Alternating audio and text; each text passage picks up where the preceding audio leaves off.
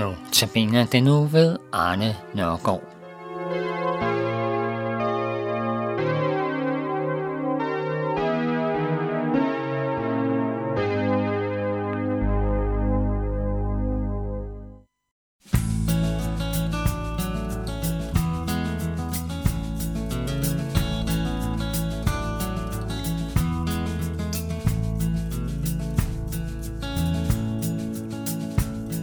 Hvor finder vel hjertet sin salige ro? Hos Jesus, ja kun hos Jesus. Og hvor findes den grundfaste klippe for tro?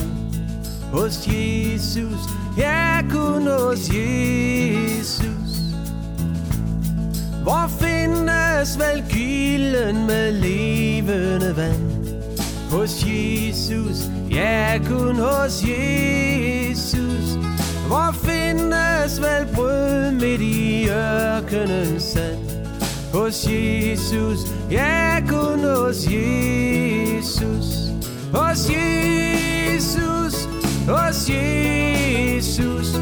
Der trives min sjæl så usigeligt vel.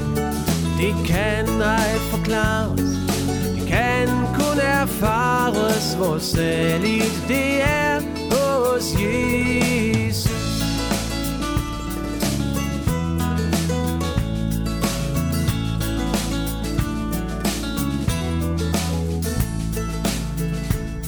Hvor finder jeg hvile, når sjælen er træt? Hos Jesus, ja kun hos Jesus. Hvor som gør vandringen let? Hos Jesus, ja kun hos Jesus. Hos Jesus, hos Jesus. Der trives min sjæl så usigeligt vel. Det kan ej forklares, det kan kun erfares, hvor særligt det er hos Jesus.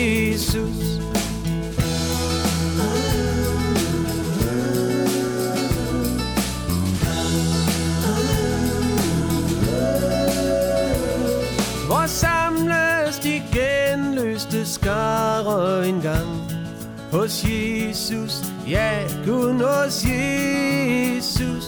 Og hvor skal vi os fryde en evighed lang Hos Jesus, ja kun hos Jesus. Hos Jesus, hos Jesus. Der trives min sjæl så usigeligt vel Det kan ej forklares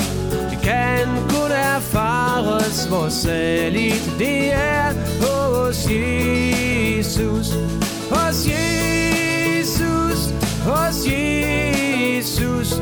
Ja, der trives min sjæl så usigeligt vel. Det kan ej forklares Det kan kun erfares Hvor særligt det er hos Jesus.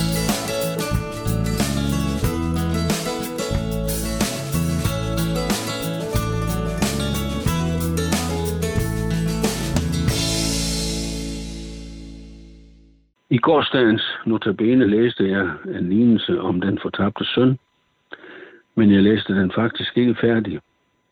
Jeg vil gerne læse den sidste del af lignelsen i dag, men først lige et kort tilbageblik på den første del af lignelsen. I lignelsen er der en far og to sønner. I går fortalte jeg om faren og den yngste søn. Han var bundpræt af livet i barndomshjemmet og bad om at få udbetalt arven i utide, så han kunne forsvinde og leve sit eget liv uden indblanding. Det fik han lov til. Det endte dog med, at han vendte tilbage, og han fik imod alle odds en fyrstelig modtagelse. Den anden del af lignelsen handler om faderen og den ældste søn, som jeg vil læse for jer nu. Der står sådan, den ældste, men den ældste søn var ude på marken. Da han var på vej hjem og nærmede sig huset, hørte han musik og dans. Og han kaldte på en af karlen og spurgte, hvad der var på færre.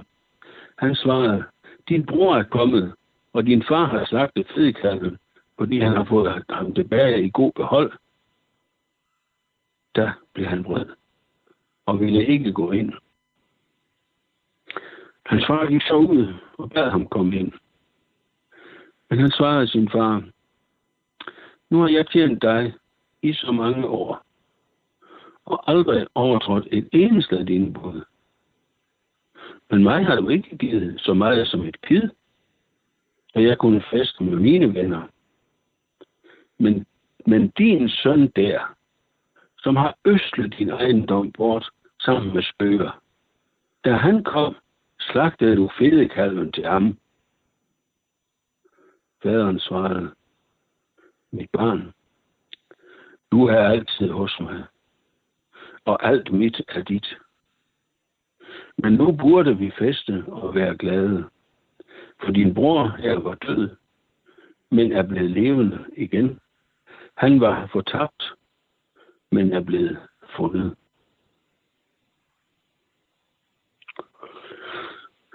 Det er ikke nemt, når lillebror kommer hjem og stjæler hele billedet. Og så er han oven i købet slet ikke berettiget til at være der. Egentlig synes jeg slet ikke, at man kan bebrejde den ældste søn, at han lægger afstand til lillebror. Han var stukket af med en del af det, som ellers kunne have været investeret, som bedriften havde haft bedre levevilkår, og i øvrigt givet en bedre arv til dem begge i sidste ende. Han havde lagt afstand til hjemmes, til hjemmes trygge vilkår. Der er visse forhold i den ældste søn, i det som han siger, som tyder på, at han desværre ikke har haft øje for de gode vilkår, han havde haft derhjemme. Jeg har altid været flink og rar, og gjort, hvad jeg var skyldig at gøre. Men du har da aldrig slagtet et kid, så jeg kunne feste med mine venner. Det har været hans oplevelse af dagligdagen. Han har åbenbart ikke taget det alvorligt, at han var en del af hele menageriet, og derfor selvfølgelig hele tiden havde fri adgang til at bruge af produktionen til at feste med vennerne. Men nu kommer han så, den yngste søn, den hårde Karl, og så lukker du bare porten op på hvid gab, så han kan gå ind direkte ind og sætte sig i stuen og få serveret alt muligt lækkert.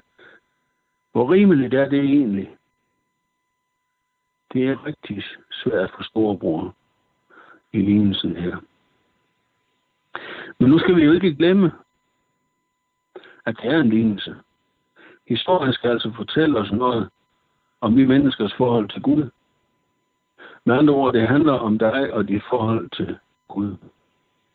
Den ældste søn er et billede på det menneske, der er vokset op i et hjem, hvor bøn, bibellæsning og gudstjeneste var helt naturlige. Det blev naturligt for dig i din opvækst at bede til Gud og at tro på ham og hans søn, Jesus Kristus. Uanset om det er længe siden, du forlod dit barndomshjem, eller om det er noget, der er sket for nylig, så kan det med troen på Gud og på Jesus Kristus godt være blevet lidt rustent for dig. Du har fortsat gode erindringer om aftenbøn og andre former for praksis omkring den kristne tro, men jeg siger, men at sige, men at sige, at det ligefrem skaber daglig glæde hos dig og i dig, det vil nok alligevel være noget overdrevet. Nu hører du så en, ja, du har måske lige fra mødt hende, en af de søndage, hvor du så altså var i kirke. Hun er vist 24 år, som jeg forstod det. Og hun har i de tidlige teenageår lagt kraftig afstand til kristendommen. Hun fortalte ved gudstjenesten, at hun nu på ganske nylig havde fået en ny veninde på studiet. Og hun havde faktisk hjulpet hende frem til at møde Kristus og hvor hun så senere var blevet omvendt. Hun var helt ustyrligt glad. Og selvom der kun var spejepølse, rullepølse og laver på steg på bordet til kirkefrokosten den søndag, føltes det nærmest som om, Det var julemiddagen, vi var samlet til. Jeg synes, det var lidt overdrevet. Ja, det kan godt føles lidt for meget. Men hvis du er glad for, at du tror på Jesus Kristus, og er glad for, at du har fået lov til at leve i den tro i mange år, så synes jeg, du skal mærke efter, om du ikke kan glæde dig med hende på 24, som er helt ny i troen. Desuden vil jeg opmuntre dig til at undersøge, om du kan være lige så glad for, at du har fået lov til at tro på Jesus i rigtig mange år. Selv synes jeg da, at det er en meget stor gave, at jeg har fået lov til at tro på Jesus Kristus i 48 år. Det er et vidnesbyrd om, at Gud er udholdende og ønsker, at han med os mennesker at gøre. Det var derfor, han lod sin søn dø på et kors langfredag i begyndelsen af det første århundrede. Jesus påtog sig at bære din og min skyld op på korset. Han døde for vores sønders skyld. Det er med dig og mig, som det er med sønnen her i lignelsen. Der er for meget urent trav i vores liv. Vi kan ikke ved egen indsats ride den hjem i himlen. Bibelen kalder den urene trav for synd. Vi er fuldstændig afhængige af, at Jesus kommer og tilgiver os og tager os ved hånden ind til Gud i hans himmelrige.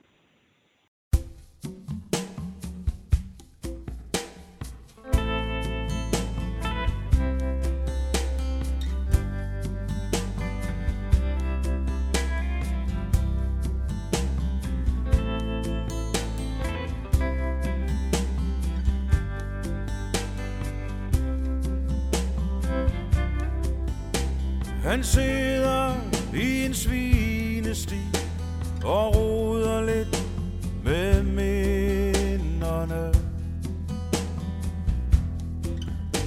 Om det der pludselig var forbi, om festerne og kvinderne. For med den sidste krone forsvandt de sidste venner Og nu er han kun en fattig fyr Som ingen rigtig kender.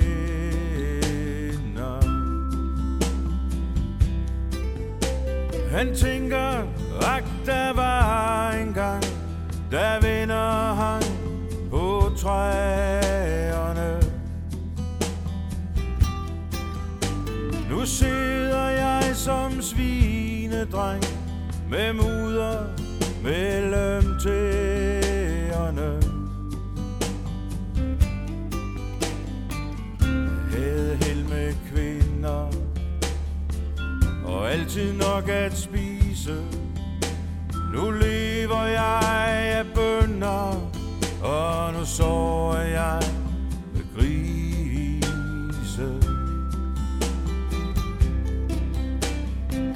hjemme i hans eget land. På marken mellem roerne Der går hans far en bondemand Og spejder over